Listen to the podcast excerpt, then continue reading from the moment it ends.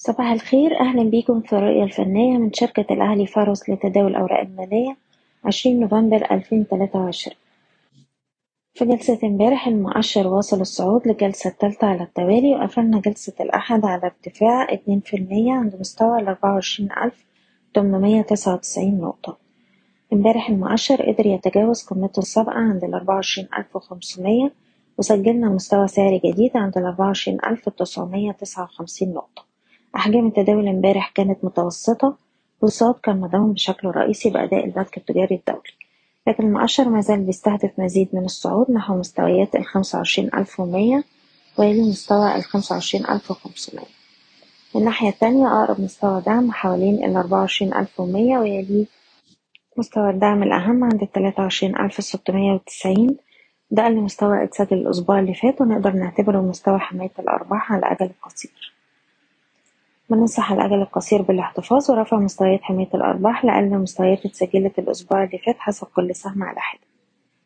وبالنسبة لل CIB مستويات المقاومة التالية هتكون حوالين الستة وسبعين جنيه ونص ويلي مستوى التمانية وسبعين جنيه وأقرب مستوى دعم هيكون حوالين الاتنين وسبعين جنيه. كريدي أجريكول نقدر نرفع مستوى حماية الأرباح لأقرب دعم عند العشرين جنيه والسهم بيستهدف مستويات الواحد وعشرين ونص والتلاتة وعشرين جنيه.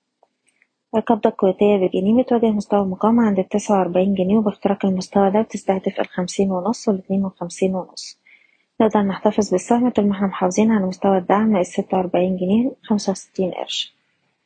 اسكندرية لتداول الحاويات قدر امبارح يغلق على ارتفاع بأحجام تداول عالية والسهم قفل فوق مستوى مقاومته الاتنين وأربعين ونص وده بيفتح له الطريق لاستهداف مستويات الخمسة وأربعين جنيه والسبعة وأربعين جنيه. سهم أموك شايفينه بيستهدف إعادة التجربة على مستوى المقاومة العشرة جنيه وتلاتين قرش واللي باختراقها بنستهدف العشرة تمانين والحداشر جنيه. وأخيرا سهم ريماس شايفينه بيستهدف مستويات التسعين قرش والخمسة وتسعين قرش وده طول ما إحنا محافظين على مستوى الدعم التلاتة وتمانين قرش. أقرب دعم لجلسة اليوم هيكون حوالين الستة وتمانين قرش. بشكركم بتمنى لكم التوفيق. إيضاح: الشركة غير مسؤولة عن أي قرارات استثمارية يتم اتخاذها بناءً على هذا التسجيل.